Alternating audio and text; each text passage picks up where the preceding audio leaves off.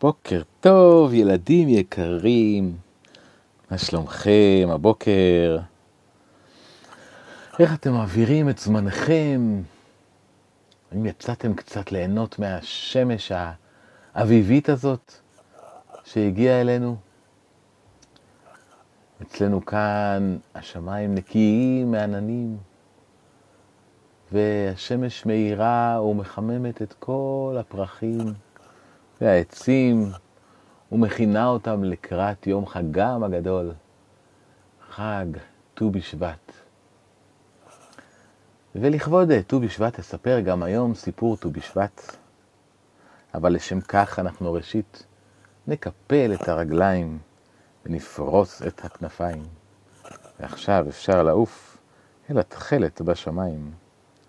מלמעלה מתגלים אגדות וסיפורים צרור שמועות מעשיות, מלוא החופן של בדיות, שלחש לתוך אוזנו, סב לאב ואב לבנו.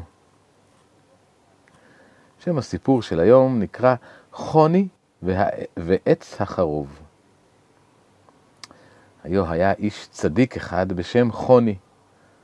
חוני הזה היה ממשפחה של אנשים שבכוח תפילתם היו מצליחים לעורר רחמי שמיים, להוריד גשמים, ובכלל להשפיע על בורא עולם להיענות לתפילותיהם. פעם אחת הלך חוני בדרך וראה איש אחד נוטע עץ חרוב. שאל אותו חוני, מה אתה עושה? ענה האיש, נוטע עץ חרוב. אמר חוני, את זה אני רואה, התכוונתי לשאול, למה אתה נוטע עץ חרוב? לא, לא הבנתי את השאלה, אמר האיש. מה זאת אומרת, למה אני נוטע עץ חרוב? אני אשאל את זה אחרת, אמר חוני. בתוך כמה שנים עץ החרוב מתחיל להוציא פירות. חשב האיש ואמר, או, הרבה מאוד שנים. לפעמים יכולות לעבור אפילו 70 שנה עד שהוא מוציא פירות. הו, אני רואה שאנחנו מתקדמים, השיב חוני. ובעוד 70 שנה, אתה חושב שתחיה כדי ליהנות מהפירות? מה פתאום, אמר האיש. אני בעצמי כבר בן 48. לא ילד. אני לא אגיע לגיל מופלג שכזה. אז חבל לך על המאמץ, אמר חוני. אם ממילא לא תזכה לטעום מהפירות, בשביל מה אתה מתאמץ? ענה האיש. תראה, אדון חוני, הראש שלי לא עובד כמו הראש שלך. עם כל הכבוד, אני לא עושה עיגול מסביב והופ, צומח לו עץ חרובים. אני יודע שצריך להתאמץ כדי שיהיו לך פירות. חוני שקע בהרהורים על דבריו של הנוטע, והאיש המשיך. אני, כשנולדתי, נהניתי מעצי החרובים ששתלו סבי ואבי סבי. גם אני משאיר לדורות הבאים עצי חרובים. כל אחד משאיר אחריו משהו לדורות הבאים. אני עולם עם חרובים מצאתי. גם נכדיי ימצאו עולם עם חרובים. חשב חוני עוד קצת על הדברים. כי חוני אהב לחשוב. התיישב לצד סלע גדול והתנמנם לו. המחשבות היו עמוקות, וגם השינה נהייתה עמוקה.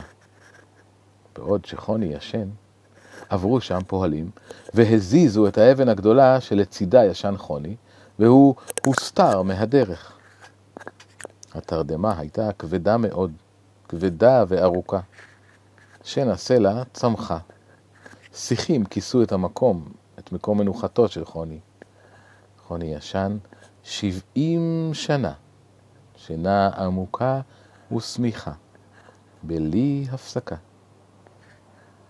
כעבור שבעים שנה, קם חוני מתרדמתו, ניער את בגדיו ורצה להמשיך בדרך. הוא ראה מולו איש אחד, ופניו די מוכרות לו. מלקט חבור, חרובים מהארץ. סליחה, אדוני? הוא שאל, מה אתה עושה? ענה האיש, מלקט חרובים. את זה אני רואה, אמר חוני. התכוונתי לשאול, איך זה שמקודם נטעת את העץ, וכבר אתה מלקט את החרובים? חייך האיש. לא, סבא, אני חושב שאתה קצת מתבלבל. עץ חרובים אינו צומח מהיום להיום. לא אני נטעתי את העץ הזה. שאל חוני, אז מי נטע את העץ? סבא שלי, זיכרונו לברכה, נטע את החרוב הזה, השיב האיש. זקני הכפר אומרים שאני דומה לסבא שלי המנוח, אבל הוא נטע את העץ הזה ואת כל העצים מסביב. אני מלקט עכשיו את הפירות מהעץ שהוא נטע בשבילנו. עוד מעט אלך לנטוע עצי חרוב בשביל הדורות הבאים. רוצה להצטרף? חייך חוני לעצמו. נו, כנראה הייתי עייף מאוד. ישנתי שבעים שנה ברציפות רק כדי להיווכח שהסבא של האיש הזה ממש ממש צדיק. והוא גם ממש ממש צדק.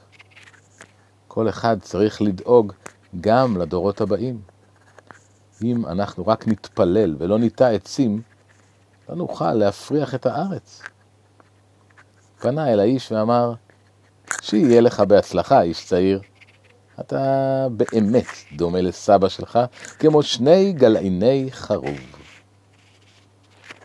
עד כאן להיום, ילדים יקרים.